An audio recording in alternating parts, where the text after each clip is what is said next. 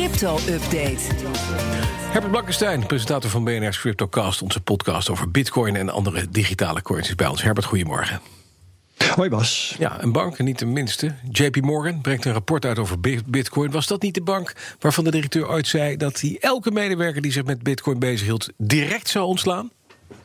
Ja, ja, dat was Jamie Dimon. Het eerste ontslag moet nog vallen.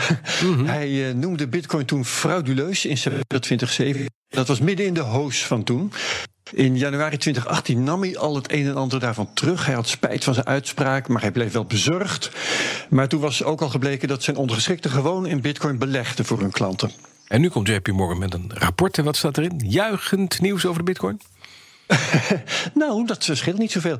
Uh, bijvoorbeeld dat Bitcoin er positief uitziet. Dat Bitcoin zijn eerste stresstest goed heeft doorstaan. En dan bedoelen ze het begin van de coronacrisis. Hè, toen de prijzen van alle financiële waarden opeens onderuit gingen.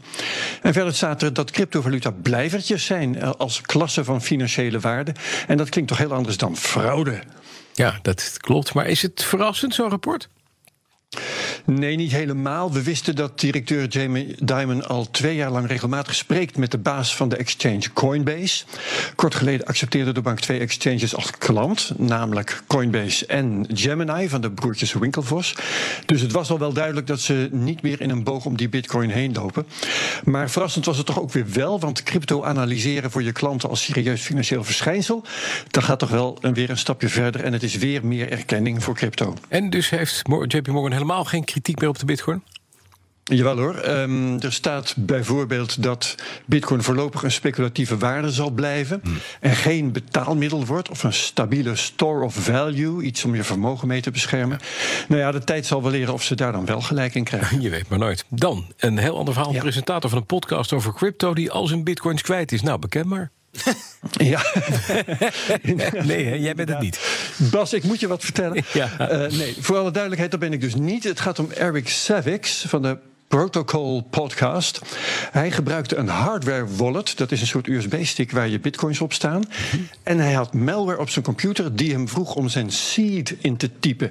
Dat is een rij van 12 of 24 woorden waarmee je je wallet zo nodig kan herstellen als je bijvoorbeeld verliest. En je koopt dan een nieuwe stick, je voert die woorden in en je hebt je geld gewoon weer.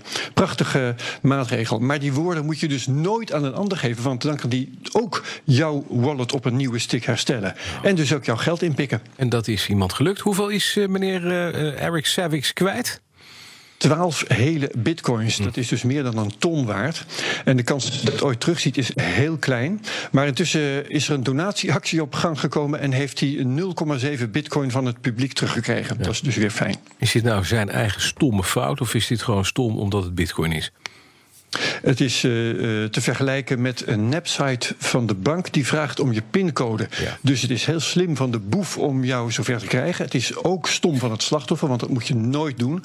Maar weet je Bas, als dit bewijst dat bitcoin niet deugt... dan deugt de euro ook niet, want daar werkt dat trucje ook. Ja, precies. En ik denk niet dat de bank dan je geld teruggeeft. Nee. Wat doe je straks in de podcast, de CryptoCast?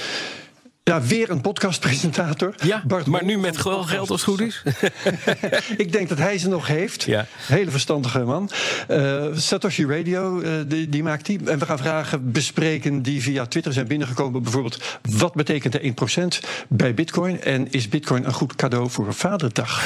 dat, dat komt eraan. Je weet maar nooit. Dankjewel, Herbert ja. Blankenstein. Alle afleveringen van de CryptoCast terug te luisteren via BNR's app. Via de BNR.nl website of op je favoriete podcast app.